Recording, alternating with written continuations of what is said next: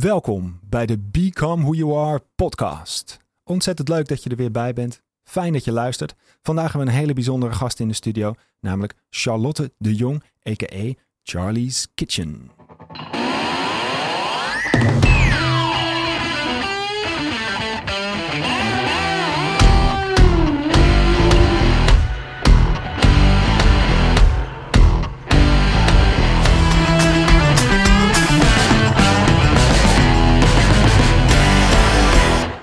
Hartstikke goed. Welkom in de studio, Charlotte. Hi. Hi. Exciting? ja, heel Super. erg. Goed om te Ja. horen. Hey, we kennen elkaar eh, al, eh, al een tijdje. Ehm, ik heb steeds meer over je eh, gezien en ben je steeds beter leren kennen. En vandaar dat ik het ook heel leuk vond eh, om je in de podcast te vragen. Volgens mij heb jij een heel interessant verhaal en een hele mooie journey ook op persoonlijk gebied doorlopen. En ik vind dat ook heel erg leuk om met de luisteraars van Become Who You Are podcast te delen. Ehm, laten we beginnen met welke vraag wordt jou nou echt heel, veel te veel gesteld? Dat je echt denkt, oh Remco, als je die vraag aan me gaat stellen, nou dan ruk ik je kop eraf. Oh, dat vind ik eigenlijk al meteen wel een lastige. Ehm, als ik bijvoorbeeld naar social media kijk, is het altijd hoe kom je aan zoveel volgers? Ja, Dan gaan we daar niet zo heel veel over hebben. nee. Nee, helemaal goed. Helemaal goed. Hey, en als je jezelf moet introduceren aan de, aan de luisteraars die jou nog niet kennen, wie, wie is Charlotte, a.k.a. Charlie's Kitchen? Eh, Charlotte is een eh, hele enthousiaste, energieke vrouw. Die heel erg van het leven houdt. Lekker genieten, lekker eten, eh, verbinden met mensen. En dat deel ik eigenlijk als mijn werk op Charlie's Kitchen en als coach. Mooi. En ik Hartstikke help goed. anderen dat ook ervaren. mooi, mooi. Want, want je doet best wel veel. Hè? Je noemt net een aantal dingen. Kun je eens vertellen wat voor, wat voor titels jij jezelf allemaal hebt opgeplakt en wat verschillende activiteiten je allemaal eh, uitvoert? Hele mooi. Ik heb daar gisteren over na zitten denken van ja, welke titel past daar eigenlijk heel erg bij? Omdat ik vind dat het heel erg eigen is. Maar ik heb eh, een ehm, coachopleiding gedaan tot transformatiecoach. Maar dat vind ik helemaal niet dekken voor wat ik eigenlijk doe. Eh, maar ik ben ook voedingsdeskundige, eh foodcoach, eventmanager. ja, foodblogger, Wauw. Schrijfster, spreekster, onderneemster, Wauw. Levensgenieter. Heel goed, heel Ja. goed. Hey, en, en waar is dat ergens ontstaan? Want ik denk dat heel veel mensen die nu luisteren denken van... wow, die heeft het goed voor elkaar. Wat, wat een hoop leuke dingen allemaal. En die dan luisteren en die dan misschien nu zelf in een baan zitten... of in die in situatie zitten waarvan ze zeggen van... nou, dat, is niet helemaal ideaal het leven op mijn voorwaarden. Waar is het ooit begonnen? Kun je ons, ons meenemen naar het begin? Hoe, hoe is dat ontstaan allemaal voor jou? Ik denk dat het begonnen is toen ik ehm, mijn opleiding toerisme deed. Dat eh, was mijn eerste MBO-opleiding. En eh, daar hadden we heel veel vrije creatieve activiteiten, stage lopen. En iedereen ging gewoon veilig in Nederland. En ik dacht, ja, super cool. Ik wil naar het buitenland. Nou, nu doet iedereen dat ongeveer. Maar toen dat ik nog zo jong was, was dat niet normaal dat je naar het buitenland ging. En ehm, ik ben toen via via terechtgekomen in Gran Canaria. Ja, en toen dacht ik echt, wauw, dit is cool. Het is vrij. Bezig zijn met mensen die blij zijn. Ehm, mooi weer. Gaan. Ja, ik was gewoon heel vrij. Het was gewoon een gevoel wat ik had. Ik ben heel erg een gevoelsmens. En ik ben vanaf dat moment gewoon mijn gevoel gaan volgen. Ik heb altijd gedaan wat ik leuk vind. En dat heeft me altijd ergens naartoe gebracht. En nooit gedacht, dat moet ik dan de rest van mijn leven doen. Dus zoveel mensen vragen zich dan af, ja, maar ga je dat dan voor altijd doen? Ja, dit is wat ik nu doe, maar wat ik volgend jaar doe, Ja, mooi. I don't know. Ja, je ziet ook heel veel inderdaad dat ouders of familieleden of vrienden. Ja maar, ja, maar kies dan toch maar voor veiligheid. Want dat wat je leuk vindt, daar kun je dan niet zoveel snel geld in verdienen. Of zij zien de weg niet hoe dat dan kan. En dus gaan ze maar bij een bank werken of, of bij de overheid. Of inderdaad Ja. het veilige pad. Maar ik kan me voorstellen dat dat ook best wel spannend is geweest voor jou. En niet altijd de makkelijkste weg is geweest. Ik heb nooit de makkelijkste weg gekozen. Ik moet wel heel eerlijk zeggen, ik ben ontzettend rijk dat ik ouders heb die echt nooit angst op mij geprojecteerd hebben. Ondanks dat mijn ouders geen ondernemers zijn en eigenlijk gewoon eh 9 tot 5 mensen waren met een vast contract en zo.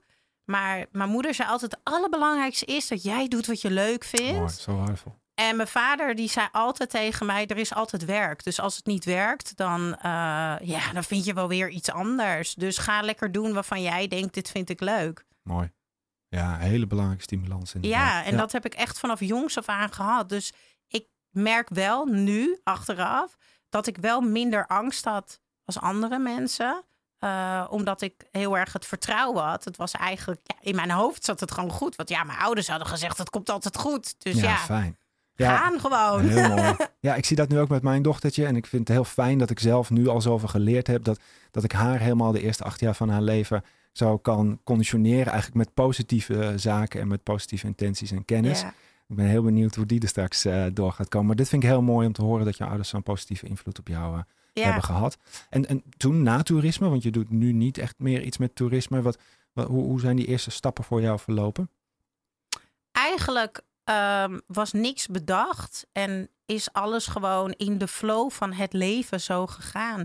Ik ben opgegroeid met, met ouders die enorm houden van koken, lekker wijntjes drinken, vakanties, uh, vrienden over de vloer. En toen ik dan ook het huis uitging, ja, nam ik dat eigenlijk mee. Ja, ook vaak vrienden over de vloer, ook lekker koken. Ja, toen ben ik een keertje een receptje gaan delen. Zonder enige intentie. Oh, Instagram. Oh, dat is nieuw. Mijn vriendinnen zeiden, ga jij maar lekker daar alles op zetten. Want we worden helemaal gek van al die berichtjes en dan, jou. Dan hebben we het over hoe lang geleden? Um, ik denk dat het nu vier jaar, vier en een half jaar geleden is. Ja. En uh, toen, toen heb ik mijn eerste fotootje van iets wat ik at gepost. En uh, ja, nooit toen, de toen intentie hashtag foodporn nog niet bestond. Nee, toen was het nog uh, hashtag superfood. dat was toen helemaal de hype. De Kochi-besjes en zo. Ja. En, uh, maar echt nooit de intentie geweest. Ik had een superleuke baan in het hotel. En um, ja, ik was gewoon eigenlijk heel happy met alles wat ik deed. Maar ja, als je iets gaat doen, als je een stap gaat zetten, dan komen er andere, andere dingen op je pad. En dat is echt letterlijk hoe alles bij mij gegaan is. In een bepaalde flow. Ik heb niks van tevoren bedacht. Mooi.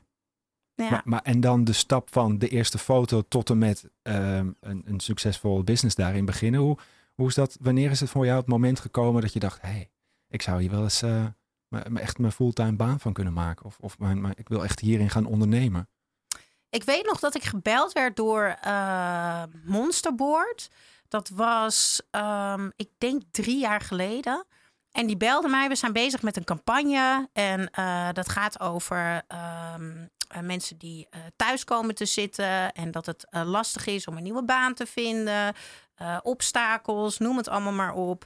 En had je de Master Mat Race, heet het volgens mij. Ja, de Mastermat race. Eh, zou jij mee willen doen? En dan tijdens die race gaan we jou interviewen. Dus af en toe moest ik dan langs de kant komen. Dan gingen ze mij vragen stellen over ja, hoe ik het heb ervaren als uh, van hotel naar hotel. En toen een beetje mijn blog doen. En wat ik andere mensen zou adviseren om ja, altijd positief en sterk te blijven. En toen dacht ik, oh, ik word gevraagd voor iets. Ik heb geen idee waarom ze mij vragen, dacht ik toen. Maar ik was zichtbaar. Achteraf denk ik dan. En mensen willen mij betalen voor mijn mening. Hmm. Hmm. Hmm. Hier zit misschien een uh, verdienmodel in. Interessant, ja, dat snap ik. Ja, en toen is eigenlijk gewoon een beetje het balletje gaan rollen. Ik werd voor heel veel dingen gevraagd. Uh, zou je willen spreken? Zou je een keer willen koken? Wil je iets vertellen over eten? En ik ben, ik ben gewoon alles gaan doen wat ik leuk vond. En heel langzaam kreeg dat steeds meer vorm. Ik dacht, hé, hey, maar leuk, Instagram, Facebook. Maar hoe cool zou het zijn als ik een website heb? Oké, ga ik doen. Mooi. Dus gaandeweg kwam de visie, maar eigenlijk doordat jij open stond voor alles wat er op je pad kon komen, is het eigenlijk naar jou toegekomen. Maar zeg ik dat zo goed? Ja, nou, het ging gewoon heel geleidelijk, heel makkelijk. En toen was het monsterboard. En toen op een gegeven moment werd ik gevraagd door Fit Girls van... hey, zou je ambassador van ons willen zijn? Uh, omdat ik ook best wel veel op social media schreef. Dat het mij best wel veel pijn deed om zoveel mensen te zien struggelen met uh, hun eigen waarde, hoe ze over hun eigen lichaam denken. Ja. En ik ben eigenlijk altijd uh, best comfortabel geweest met mijn lichaam na de puberteit. Ik denk dat we allemaal wel eens onzeker zijn. En ehm, ja, ik voelde dat echt. Dat zoveel mensen aan het strukkelen waren met hun eten, met hun lichaam. En daar schreef ik wel eens over. Toen vroeg zij van, joh, zou je onze ambassador willen zijn en willen spreken op onze events? En nou ja, doordat je iets gaat doen, komt er iets op je pad. Ja. En zo is het eigenlijk altijd gegaan. Mooi. Ja. Mooi. Het klinkt nu heel erg soort van halleluja. Maar ik kan me voorstellen dat dat niet altijd zo is geweest. Zijn er ook bepaalde obstakels op je pad gekomen? Ik ben heel benieuwd hoe je daarmee om bent gegaan. Ja, Heel veel. Ehm, ik heb sowieso een hele erge burn-out gekregen. Uh, dat was een hele grote obstakel. Was super heftig. Heel intens. Maar nu achteraf denk ik was een cadeautje. Want anders had ik hier nu ook niet gezeten ja, zoals ik hier nu uh, zit. Ja. Maar ook business-wise. Want ik ben dus uh, iemand die gewoon doet. En ik zie het onderweg wel. Ik doe echt nergens onderzoek naar. Ik doe gewoon en ik leer onderweg. En dan schaaf ik het bij, pas ik het aan en noem het allemaal maar op. Dat heeft mij heel veel opgeleverd. Maar dat heeft natuurlijk ook wel eens opgeleverd dat minder goed was. Ik heb ook een rechtszaak gehad. Daar heb ik heel veel geld mee verloren door hele domme foutjes die ik heb gemaakt. Maar niet wetendheid, want ik wist dat toen gewoon niet. Nee. Waren hele harde lessen. Maar ik laat me er niet door tegenhouden om nu ineens overal heel erg over na te denken. Nee, snap ik. Als, je, als we eens kijken naar die burn-out, als je daar iets over zou willen delen, achteraf gezien, hoe, hoe ben je daarin terechtgekomen dat mensen die nu in zo'n situatie zitten of naar zo'n situatie toe afstevenen, dat die ook bepaalde signalen herkennen misschien? Ja, ik ben echt een gevoelsmens. Altijd geweest, alles op gevoel. En op een gegeven moment kwam ik in de situatie dat ik, ik was al tien jaar samen met uh, mijn ex. En uh, we hadden een huis. Ik had eigenlijk alles. Alles wat, wat, wat iemand wil hebben. Maar ik voelde gewoon, dit, dit is het niet. Maar ik kon het niet bevatten. Want ik dacht, ja, hoezo kan dit het nou niet zijn? Ja. Ik heb een super lieve mooie man. Ik heb een fantastisch huis. Ik heb een toen ging mijn business net een beetje groeien. Ik werkte ook nog. Maar het was eigenlijk allemaal super positief. Op papier leuke had je het goed voor elkaar zoals je oude blueprint eigenlijk was. Ja, maar mijn gevoel zei nee nee, nee, nee. Uiteindelijk toch heel dapper het besluit genomen en uh, weggegaan. En het was echt een hele zware tijd. Want als je tien jaar samen bent, of bijna elf jaar met iemand, het was letterlijk alsof er een stuk van mij weggerukt was. Ik had geen idee wie die andere kant van mij was. Ik had echt het gevoel dat ik maar de helft van mezelf kende. En dat vond ik doodeng. En dan kom je weer thuis te wonen, net voor je dertigste, bij je super lieve ouders. Maar dat je daar op de bank zit dat je denkt, ja, daar zitten we dan. Iedereen gelukkig in een huis of getrouwd of wat dan ook. Waarom wilde ik dit ook alweer? Waarom voel ik dit? En ik vond die, ehm, die pijn die ik had. Nou, het was eigenlijk, ik voelde me heel eenzaam. Ik voelde zo leegte.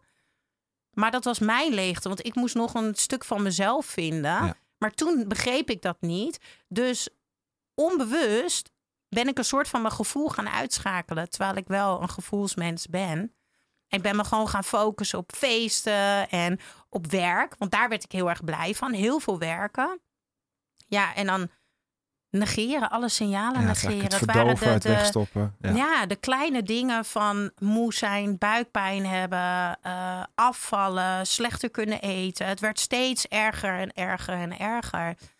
Terwijl uh, terwijl het toch eigenlijk ook mijn werk was, want ik ben voedingsdeskundige en ik weet donders goed wat ik moet doen.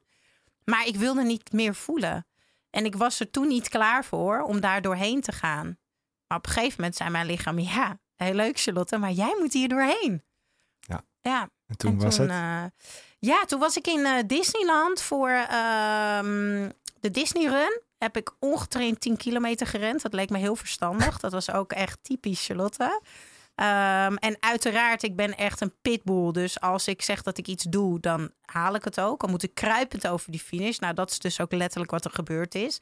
Super goede tijd. Maar daarna was het gewoon. Ik, ja, ik had mijn arm tintelde. En ik was ook helemaal in paniek. Want ik dacht dat ik een hartstilstand zou krijgen. Wat helemaal niet zo was. En vanaf dat moment was ik. Mijn lichaam die deed het gewoon niet meer. Nee, het is echt in door zijn reserves heen gegaan. Ja, nog onder in de reservetank. ja. En, en hoe kom je daar dan weer uit? Want dan zit je op zo'n zo'n dieptepunt, dan is dat besef misschien daar. En, en dan? Um, ik kan heel snel schakelen.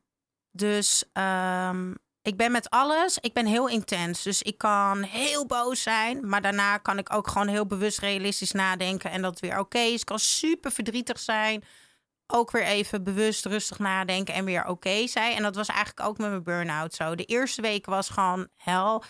Was super heftig. Ik was er echt ook heel erg ziek van. Maar daarna was het ook zo met mijn boekje schrijven. Oké, waar sta ik nu? En wat heb ik nodig om hier uit te komen? En ik heb letterlijk elke ochtend die vraag aan mezelf gesteld: wat heb ik vandaag nodig om me zo goed mogelijk te voelen? Heel mooi, heel klein maken. Ja. ja. Want als ik vooruit ging denken, ik had heel erg last van paniekaanvallen. Zodra ik verder vooruit ging denken, kreeg ik weer een paniekaanval. Ja. En dat wilde ik niet. Omdat het dan te groot leek en te onoverzichtelijk, waardoor je zoveel stress kreeg dat je dacht, houd bij vandaag, want vandaag kan ik controleren. Vandaag kan ik controleren. Vandaag kan ik iets kleins doen om me beter te voelen. En ook gewoon realistisch zijn. Uh, dit gaat gewoon niet binnen een maand over. Dus je hebt gewoon keuzes te maken. Ja. En gelukkig was ik daarvoor al heel erg bezig geweest met mindset en zo. Dus ja, dan wist ik wel van oké, okay, welke keuze heb ik nu te maken? Oké, okay, gewoon uitbesteden. Ik heb spaargeld, dan ben ik mijn spaargeld kwijt. Mijn team opgebeld. Jij gaat dit doen, jij gaat dat doen. Ik moet me nu op mezelf focussen. Het is zoals het is. Ja, mooi. Ja. Kijk waar je nu staat. Ja. Ja, supergoed. Heel mooi. Welke, welke angst heb jij moeten overwinnen om, om te staan waar je nu staat? Wat, welke, welke barrière heb jij mentaal moeten, moeten nemen? Behalve deze hele grote, waar je net een voorbeeld van geeft. Ik denk dat het grootste was dat um, wat de mensen die dicht bij mij staan van mij vinden. Um, want ik, wat de rest van me vindt, alle volgers die naar me kijken, dan heb ik zoiets van: ik ben Charlotte en als je me niet leuk vindt, dan volg je me gewoon niet. Ja. Maar de mensen die om mij heen stonden, waren niet allemaal mensen die dit begrepen. Uh, en daar werd heel veel over gepraat. En dat vond ik heel lastig. Dat heeft ook, heeft ook met mijn burn-out te maken gehad. Dat ik ging nadenken over: ga ik dit doen? Want wat zouden zij daarvan vinden? Um, en dat beperkte mij een tijdje heel erg. En, en hoe ben je daar overheen gestapt? Gewoon doen. Ja, gewoon doen. Heel veel, ik heb er gewoon heel veel over nagedacht. Van ja, maar um, laat ik mij dan leiden door wat hun vinden. Want ik moet doen wat ik leuk vind. En nu klinkt het heel makkelijk, maar dat was het absoluut niet. Hè? Want ik heb me wel tien keer laten tegenhouden met bepaalde dingen. Maar op een gegeven moment, als je, zo'n, als je uit zo'n burn-out komt, uit zo'n diep dal, dat je helemaal niks meer hebt. Ik had geen huis meer, geen partner meer. De vrienden die ik toen had, die wilden mijn vrienden niet meer zijn. Want die vonden dat ik naast mijn schoenen liep. En dat kon niet na tien jaar bij iemand weggaan. Dus ik begon echt helemaal opnieuw. En toen besloot ik gewoon, ik wil alleen nog maar mensen om mij heen hebben die mij cool vinden. En dat ik hun cool vind, die niet oordelen. En die zeggen, joh, al uh, zit je met je blote kont op een aanrecht, ga er lekker voor. En dat Ja. heb je ook gedaan. Dat heb ik gedaan, ja.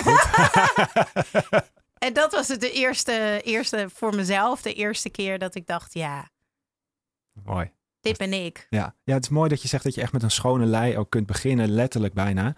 Doordat je bijna alle steunpilaren in je leven op dat moment bent kwijtgeraakt. Helaas misschien eh, Ja. door eigen keuze noodgedwongen. Maar vanuit daar kun je weer bouwen en dan kun je een nieuw fundament neerzetten. En daar op een veel steviger huis, als ik het zo zie, bouwen dan, eh, Ja, dan daarvoor. Heel mooi. Wat, wat is jouw definitie van succes? Vind je dat je nu succesvol bent? ja, ik ben zeker succesvol. Maar ik denk dat ik succesvol ben omdat, of nee, ik vind dat ik succesvol ben omdat ik doe wat ik leuk vind. En, eh, en dat ik me vrij voel. En gewoon blij en ontspannen. En ja, succes heeft voor mij dan verder niks te maken met, met geld. Nee. Gewoon, ik krijg superveel energie van alles wat ik doe. Ja, grappig hè? Veel mensen linken inderdaad succes aan geld. Voor mij is dat ook niet het geval. Natuurlijk is het fijn en het is makkelijk en het is Ja, goed als het er is. En je ook daarin weer het kunt delen en dingen kunt doen die je Ja. leuk vindt en tijd kan kopen. Maar vooral doen wat je leuk vindt en andere mensen daarmee gelukkig maken is ja, absoluut een mooie definitie van succes. eh. ik heb me nooit druk gemaakt om geld. Ik ben altijd gewoon gaan doen met alles. En ik heb nog nooit geen geld gehad. Ik heb er echt nog nooit over nagedacht. En ja, voor veel mensen is dat onbegrijpelijk. Maar geld is er altijd. Iedereen heeft bijna geld. En iedereen wil wel ergens geld aan uitgeven. En zo zie ik dat als ondernemer. En het is maar hoe creatief genoeg je bent. En wat voor moois jij voor iemand anders kan doen. Ja, mooi. En ik denk dat je het ook aantrekt als je op die manier mee bezig bent. Terwijl als je juist vanuit geld nood gaat denken en schaarste, dat dat ook op je pad zal komen. Terwijl als je juist bezig bent met toegevoegde waarde leveren voor mensen en doen wat je leuk vindt, dan komt het ook veel makkelijker op je pad. Ja, ik denk dat dat ook mijn kracht is. Als je kijkt hoe ik dingen deel op social media. Je ziet bij mij bijna nooit hele marketingacties en noem het allemaal op. Het is gewoon, ik deel vanuit mijn enthousiasme. Omdat ik iets gemaakt heb waarvan ik denk, wauw, ik kan jou echt verder helpen. En uh, daar hoef ik geen hele marketing dingen tegen aangooien. Want, want mensen kopen uiteindelijk hetgene wat jij hun kan geven. Of waar je ze bij kan helpen. Ja, mooi. En in hoeverre speelt jezelf laten zien daar een rol in voor jou? Alles van mij is te zien. Ja, ik ben sowieso als persoon al een open boek. Uh, maar online ook. En ik denk ook dat dat mijn kracht is. Ja. Maar ik schaam mij ook helemaal nergens voor. Ik ben Charlotte en dat is nu juist mijn kracht, denk ik altijd. En denk je dat die authenticiteit en die openheid, dat mensen je daardoor leuk en interessant vinden en daardoor ook jij de gunfactor hebt dat ze iets van je willen kopen of je volgen? Of... Ik denk wat we heel erg missen in deze maatschappij is verbinding. En uh, ik durf wel te zeggen dat ik via social media echt kan verbinden met mensen. Ik heb ook tijdens mijn burn-out, het enige wat ik heb gedaan, is wel schrijven. Ik heb over alles geschreven, heel eerlijk. Van de paniekaanvallen tot ik voel me super ongelukkig, tot ik huil alleen maar. Tot jee, ik ben weer voor het eerst sporten. Um, maar ook dat ik uit elkaar ging met mijn ex. Uh, maar ook met dingen die ik heb gelanceerd voor mijn werk. Dat ik zei, joh, dit was geen succes. Of ik heb een rechtszaak gehad. Ik heb domme foutjes gemaakt. Dit kan gebeuren. Mensen die, je, je trekt de mensen aan, zal maar zeggen. Ze voelden zich verbonden met jou. Omdat ze denken, dit heb ik ook meegemaakt. Of ik ken iemand die dat ook heeft meegemaakt. En dat, dat maakt het echt. En um, ja, ik, dat is mijn kracht. ja. ja. Ja. Wanneer komt het boek uit? Mijn boek? Ja? Staat dat in het boek? Um, ja en nee. Het is, het is ook met recepten. Ja. Recepten en persoonlijke verhalen. Recepten en een paar persoonlijke verhalen. Want ik wil natuurlijk nog meer boeken schrijven. Je moet niet alles in één boek doen, hè? Mooi. Ik ben heel benieuwd. Ja. September. Hem in de gaten. Heb je al een werktitel? Voor het boek? Ja. Nee, dit is dus toevallig gisteren uh, gesproken met de uitgeverij. Ik zeg dat is gewoon het enige waar ik nog helemaal vastloop. Gaat vast op je pad komen. Ja, omdat ik gewoon zoveel ideeën heb en er staat zoveel in het boek. En dan in drie, vier woorden, dat is zo lastig. Ja.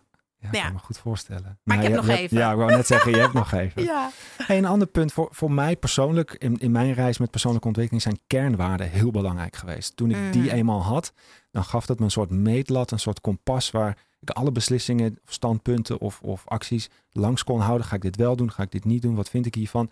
Eh, Werp jij ook bepaalde kernwaarden voor jezelf? Dat je zegt van nou, dit definieert wie ik ben of wie ik wil zijn. En vanuit dat je daar vanuit handelt?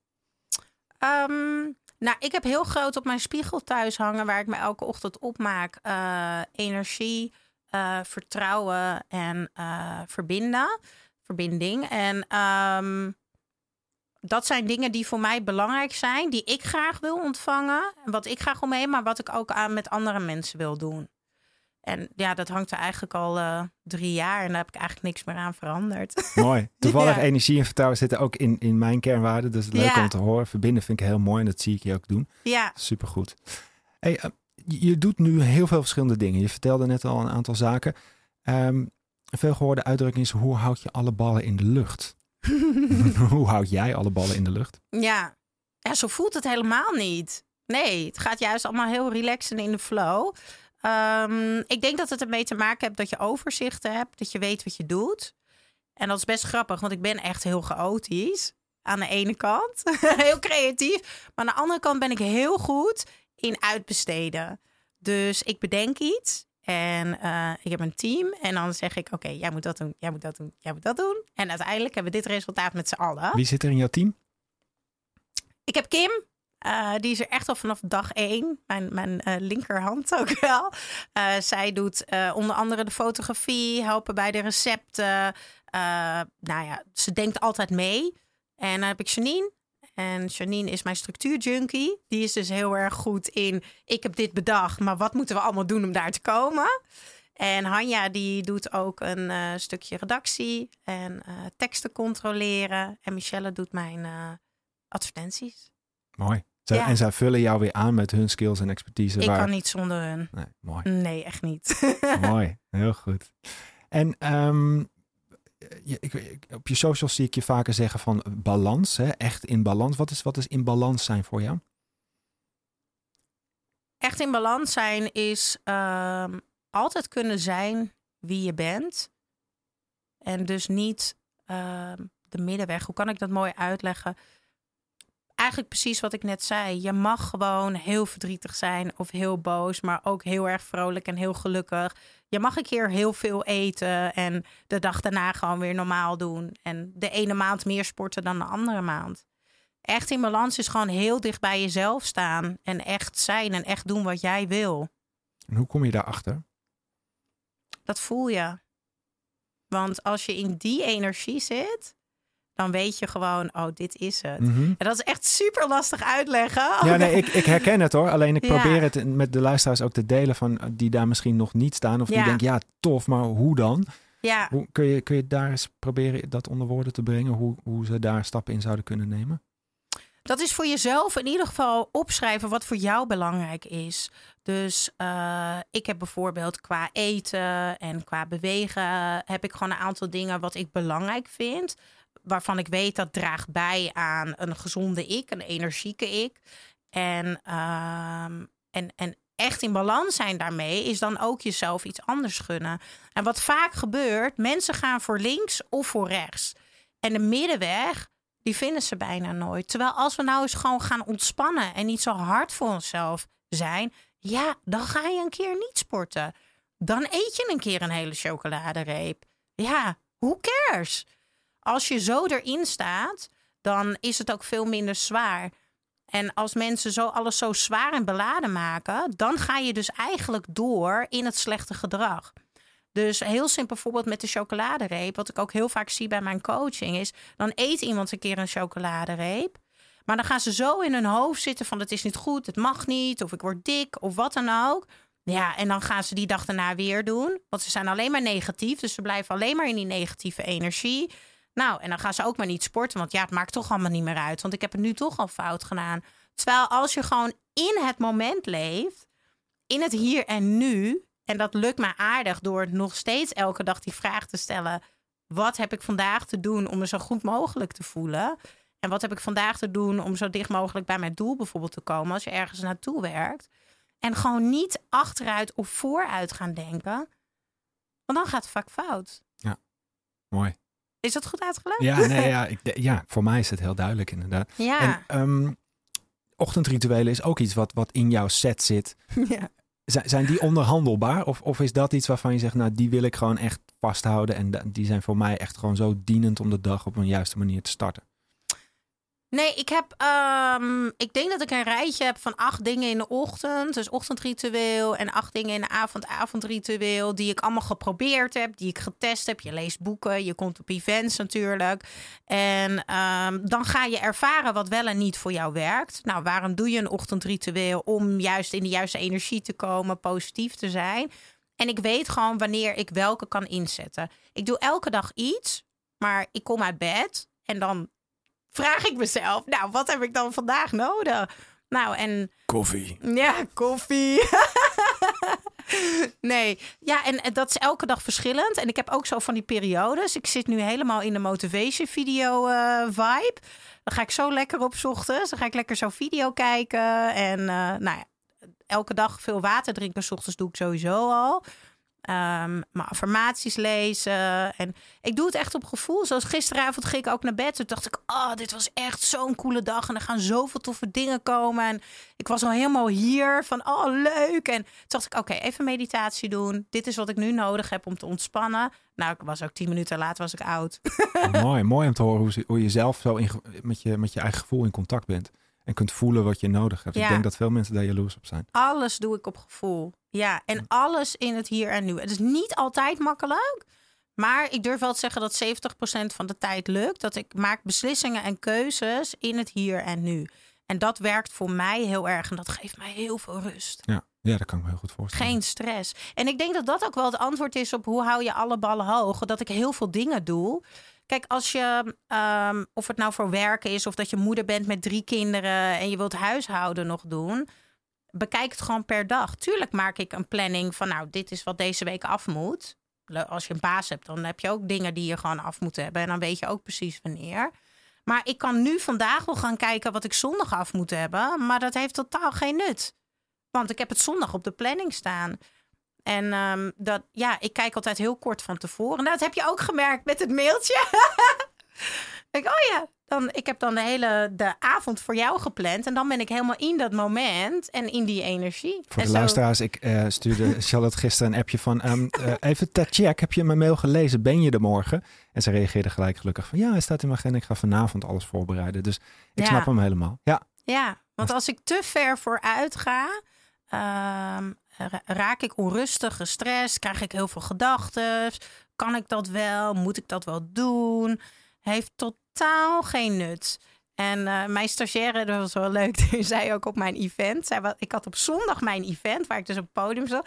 En toen op zaterdag om vijf uur zei ik... Nou, ik ga eventjes bedenken wat ik morgen ga zeggen. Ze zegt, Char, er hebben 65 mensen een kaartje gekocht. Jij moet morgen het podium op.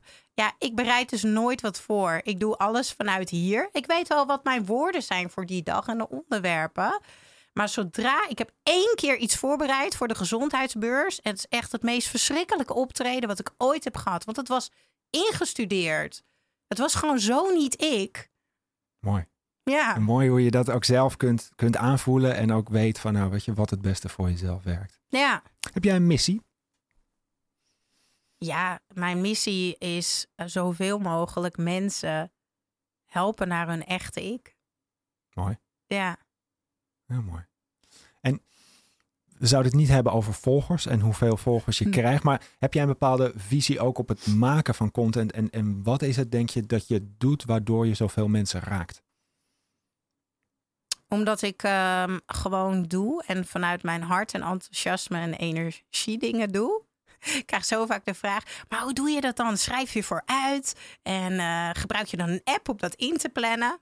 Nee. nee maar ja, ja, gewoon oké, okay, wat, wil ik, wat wil ik posten? Ik heb dan s ochtends uh, gaat mijn wekker en dan als ik ga werken is het eerste wat ik doe. Oké, okay, wat wil ik vandaag delen? Oh, ik wil vandaag een recept delen. Of, uh, maar recepten heb ik wel een planning voor op mijn website. Want ja, die koken we gewoon vooruit en dat is een recept uittikken. Maar gewoon per dag kijken waar ik behoefte aan heb. En dat zie je ook heel duidelijk op mijn kanalen. Soms krijg je elke dag een post. En soms ben ik er gewoon een week niet. En dan voel ik het niet en dan doe ik het niet. Nee. Helder, helder. Wat, wat is er iets wat jouw volgers niet over jou weten? Oh, dat is leuk. Die vraag heb ik nog nooit gehad, volgens mij. um, is er iets wat ze niet van mij weten?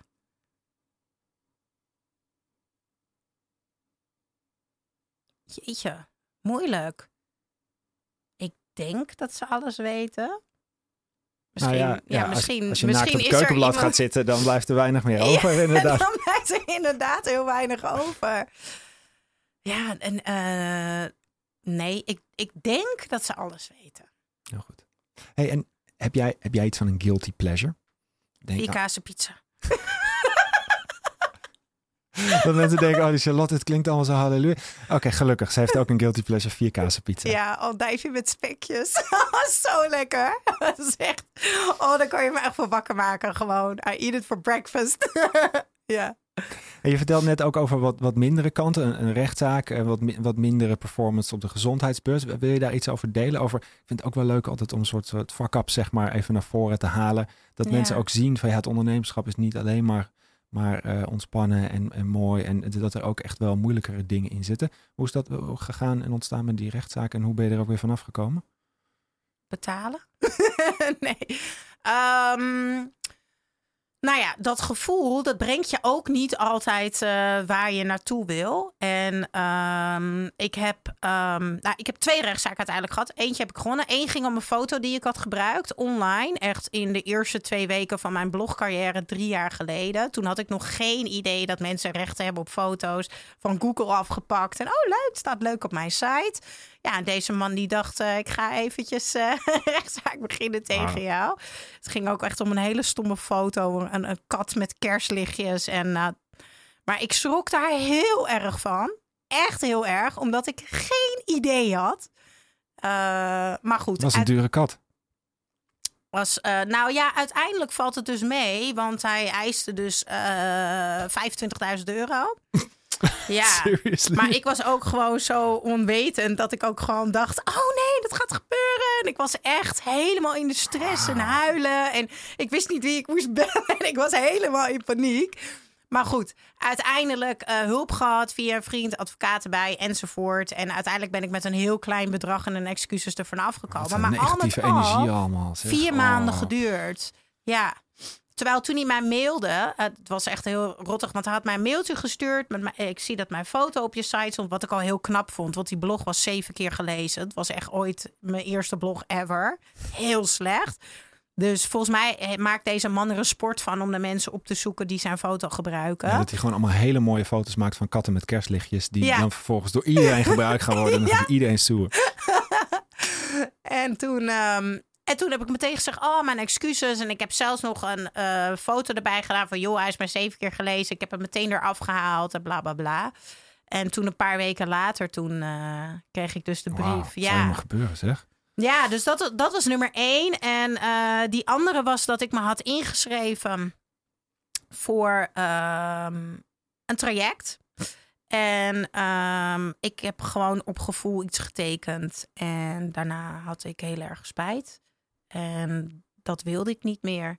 En eh, ik wilde een middenweg zoeken. En de andere partij wilde dat niet. Ehm, maar een hele, hele mooie, waardevolle les. Want ik als coach en ik die ook trajecten geeft, als iemand tegen mij zegt: nee, ik voel het niet. Eh, de klik is er niet, dan laat ik diegene gewoon gaan. Ja, tuurlijk. Hier heb je geld terug. En, eh, Precies. En dat, dat is echt iets wat ik, dat, wat ik trouwens echt van Michael heb geleerd. Met alles. Als mensen gaan zeuren, hier heb je geld terug. Doei. Ja, ja Mike, Michael Pilacic hebben we het over nu Ja. inderdaad. Die we allebei goed Ja. eh, kennen. Ja, Ja, ja, mooi. ja. Helder.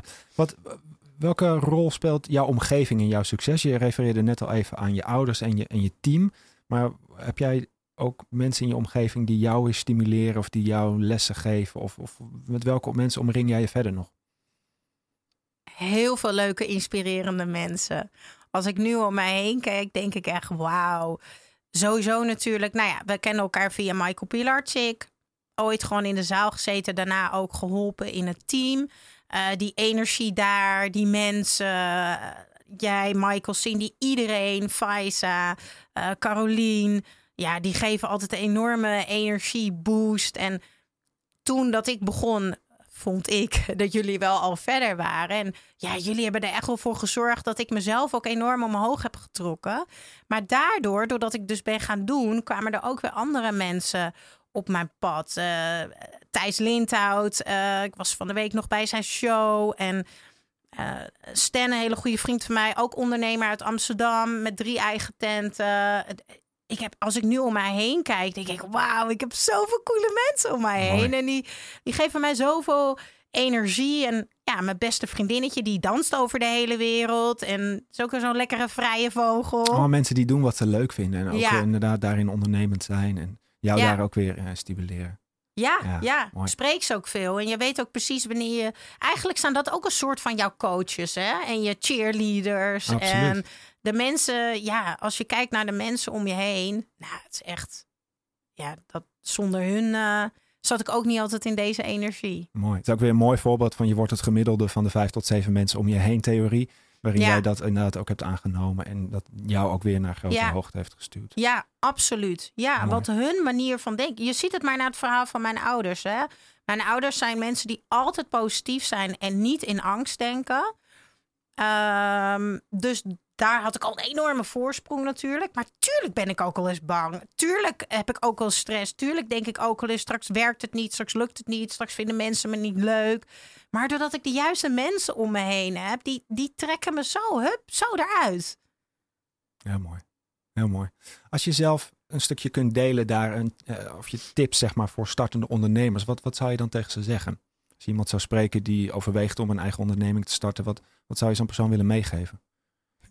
Ik vind dat altijd zo moeilijk, omdat dan denk ik altijd, ja, wat ga ik iemand meegeven? Want ja, ik doe maar gewoon. Ja, maar, ik denk dat, dat het ook, eh, ik denk vooral, ehm, ga gewoon doen. Want kleine stapjes brengen uiteindelijk grote dingen. Want bij mij is alles in kleine stapjes gegaan. Nog steeds, alles gaat in kleine stapjes. Maar hetgene wat het mij opbrengt is gigantisch groot. Doordat ik gewoon doe. Wat kan ik vandaag doen om dichter bij nou ja, jouw droom of je doel te komen? En, en ga je echt omringen met de juiste mensen.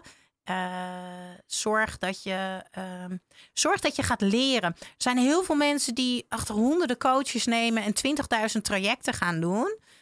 Voor mij werkt dat dus niet. Ik ben heel erg van in de praktijk leren en gewoon doen. Ik zeg altijd, alles is er al. Je hoeft alleen maar te doen. En om meteen, ja, kijk om je heen wat andere mensen doen. Ja, mooi.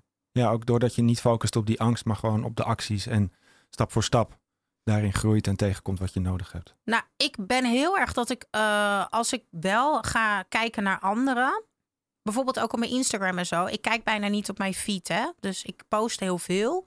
En de reacties naar mij, die reageer ik wel. Maar ik heb soms echt geen idee wat andere mensen doen. Ik heb echt geen idee. Ik volg dus ook andere mensen gewoon bijna niet. Want ik weet dat ik daar gevoelig voor ben. Als ik daar naar kijk, dan ga ik denken: oh, zij doet het zo. Oh, misschien moet ik dat ook wel zo doen. En uh, dat heb ik dus ook gehad. Een aantal keer dat ik een online traject ergens kocht. Over ondernemen of over sales of wat dan ook. Ik had vorig jaar zo'n marketingtraject gekocht. En ik was er helemaal ingetuind. En ik dacht, dat is wat ik moet doen. Terwijl het eigenlijk altijd al hartstikke goed ging. En toen ben ik dat gaan doen. En ik werd super onzeker. Ik voelde me ongemakkelijk. En uiteindelijk gingen mijn sales alleen maar achteruit. Ja. Dus dat was ook weer een hele mooie les. Van, oh nee, ik moet gewoon doen wat voor mij goed voelt. En we denken allemaal dat we nog zoveel te leren hebben. Maar ik ben ervan overtuigd dat we het meest leren als we in het hier en nu zijn. En horen en zien en voelen op het moment om ons heen. Want ik kan nu ook heel veel van jou leren. En dit vind ik dus cool. Dat ik straks thuis kom en dat ik ga opschrijven van... oh, hij heeft dit en dat gedaan. En dat vind ik dus heel cool. En dat doe ik liever dan allemaal trajecten en opleidingen enzovoort volgen. Ja, meer echt een autodidact, echt een, een ervaringspersoon. Ja. Ja, heel mooi. Ja. Hey, vertelde me laatst dat je de, de Foodblog Award had gewonnen, maar daar zit ook een verhaaltje achter. Ja? Eigenlijk wist jij al een paar jaar van tevoren dat je hem ging winnen, toch? Kun je dat eens uitleggen? Nou, toen wist ik het niet, maar ik wilde het wel. Ja, dat is zo'n mooi verhaal. Um, ik was dus drie jaar geleden voor het eerst bij Michael Pilarczyk. En ik had mijn roadmap to success and happiness gedaan. En toen had hij nog uh, persoonlijk meesterschap als een uh, één dag, uh, een event. En ik weet nog dat ik daar achter in de zaal zat. Toen was het nog niet zo groot. Inmiddels zitten geloof ik 1200 man. Maar toen was er 200 man. Ik zat op achter stoeltje. En ik had nog nooit wat gedaan met persoonlijke ontwikkeling. Nog nooit naar zo'n event geweest. Echt, het zweet stond op mijn rug. Ik vond het doodeng. Maar ik daar met mijn boekje, wat zo gedreven als ik ben, zat ik natuurlijk te pennen als een gek. En um, ik had toen opgeschreven: uh, ik wil de leukste foodblogger van Nederland worden. Nou, uiteindelijk thuis nog een beetje uitgewerkt in de roadmap. En uh, dat was overigens in het Van de Valk Hotel uh, in Houten. En um, dat was zo mooi. En ja, ik heb uiteindelijk ben ik drie jaar bij Michael geweest. En ik heb alle, alle boekjes nog met alle dromen die ik heb opgeschreven. Want ondanks dat ik in het team zat, heb ik altijd ook meegeschreven. En toen werd ik in één keer genomineerd in oktober. En toen dacht ik, hè? Ik ben genomineerd voor leukste foodblogger. Maar ik ben echt bij lange na niet de grootste foodblogger in Nederland. Maar gewoon echt niet. En ik dacht echt, hè? ik? En toen dacht ik, ik heb dit ooit opgeschreven. toen pas dacht ik, want toen was het gewoon een droom. En ik ben daar dus niet bewust naartoe gaan werken. Van nou, wat moet ik doen om dat te worden?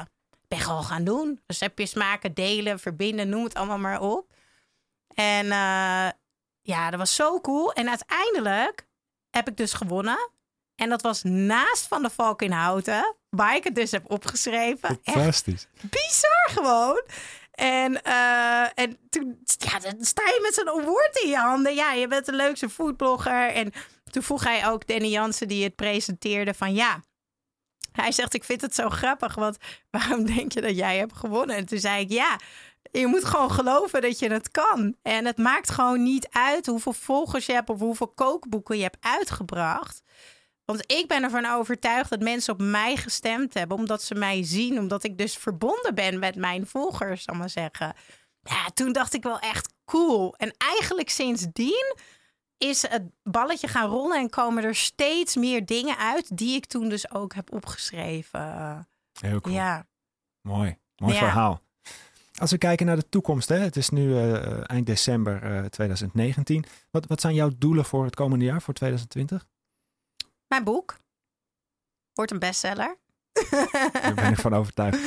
Ehm, nou, mijn, mijn eerste doel is. ehm, jeetje, ik vind het best wel lastig. Het- grootste doel is het boek. En ik wil heel erg graag eh, dat mijn omaatje daar nog bij is. Want die is heel erg belangrijk voor mij. En eh, die eh, wordt 90. Maar goed, die zegt ik blijf hoor. Dus als het goed is, komt het helemaal goed. Ehm, dat is echt een hele grote droom voor mij. Want het boek heb ik dus ook ooit opgeschreven. Ja. En ehm, ik wil aankomend jaar wil ik zeker bij drie bedrijven binnenkomen. Omdat ik heel graag ehm, ervoor wil zorgen dat meer mensen energiek en blij en creatief en echt op de vloer zijn. Er is ontzettend veel uitval. Heel veel mensen zijn ziek, moe, zwak, misselijk, overspannen. ehm, niet lekker in hun vel zichzelf kwijt eigenlijk. Zo hoe ik het zie, burn-out. En ik denk dat ik heel veel bedrijven kan helpen met mijn eh, programma en met mijn workshops om dat tegen te gaan. En de werkgever en de werknemer weer te laten verbinden samen. En eh, ik heb als doel opgeschreven dat ik dus dit jaar de zakelijke markt op wil. En ik wil dat bij drie grote bedrijven gaan doen. Mooi. Nou, mochten er mensen zijn die luisteren die zichzelf herkennen in dit profiel, stuur even een mailtje naar remco.becomewhoyouare.nl en dan zorgen we dat je in contact komt eh, met Charlotte hiervoor. Cool. Heel mooi. En stel even van de laatste vraag, hè, want ik kijk even naar de tijd. Ik heb een mooie, mooie case voor je. Stel je nou eens voor, er hangt een groot blanco billboard op een, op een super drukke plek in Nederland, bijvoorbeeld de Dam in Amsterdam. En dat, Mm. dat billboard dat is helemaal leeg. Daar mag jij iets opschrijven met jouw boodschap voor de wereld. En dat wordt bijna door heel Nederland dus gezien. Wat, wat zou je erop schrijven? Ehm, sowieso hashtag echt in hoofdletters. Ik denk dat ik een vraag zou stellen, zodat mensen gaan nadenken. Dat ze denken, hè? Dus ik denk dat ik zou zeggen, ben jij echt? Ja, heel simpel. Ben jij echt? Mooi. Ja, Heel mooi. en gewoon wit, gouden letters. Ben jij echt? Hashtag echt. Als ik een slimme marketeer zou zijn, zou ik hem nu jatten en volgend jaar op de Dam eh, op een billboard neerhangen. Ja, Heel mooi. Heel super mooi. cool. Ja, mooi titel voor je boek. Hashtag echt. Ja, voor mijn tweede boek. Heel goed. Eh, omwille van de tijd gaan we, gaan we afronden. Maar ik begrijp dat je ook nog iets speciaals hebt voor de luisteraars van deze podcast. Ja, zeker. Want ik eh, gun het jouw luisteraars ook enorm om hun dromen te gaan najagen in 2020. En ik heb een supermooie training. 2020 is yours. Waar we teruggaan naar de echte jij. En vanuit daar gaan voelen waar je heel graag naartoe wil. En dat kan van een fysiek doel zijn, mentaal doel tot een business doel. En eh, ik, mag, ja, ik ga drie mensen blij maken. Die mogen erbij zijn. 5 Oh, wauw, januari tof. of 12 januari. Heel cool. Ja, Hartstikke goed. Dus mocht je in aanraking, eh, willen, aanmerking willen komen voor deze prijs, hou even de Instagram van becomewhoyouare.nl in de gaten. We maken op nieuwjaarsdag de winnaar bekend. Yes. En eh, die kunnen dan kiezen of ze op 5 of op 12 januari deelnemen aan, eh, aan de training. ja, zeker weten. Superleuk. Leuk Hartstikke om jouw goed. volgers dan ook te ontmoeten. Ja, zeker weten. Ik denk dat dit heel waardevol is en eh, een hele mooie prijs. Dank je wel daarvoor. Alsjeblieft. Wil je verder nog iets delen of onder de aandacht brengen? Ehm, nou, mijn nieuwe training. Ja, omdat ik eh, heel graag nog meer mensen wil helpen aan meer eh, energie en eh, weer grip op hun leven.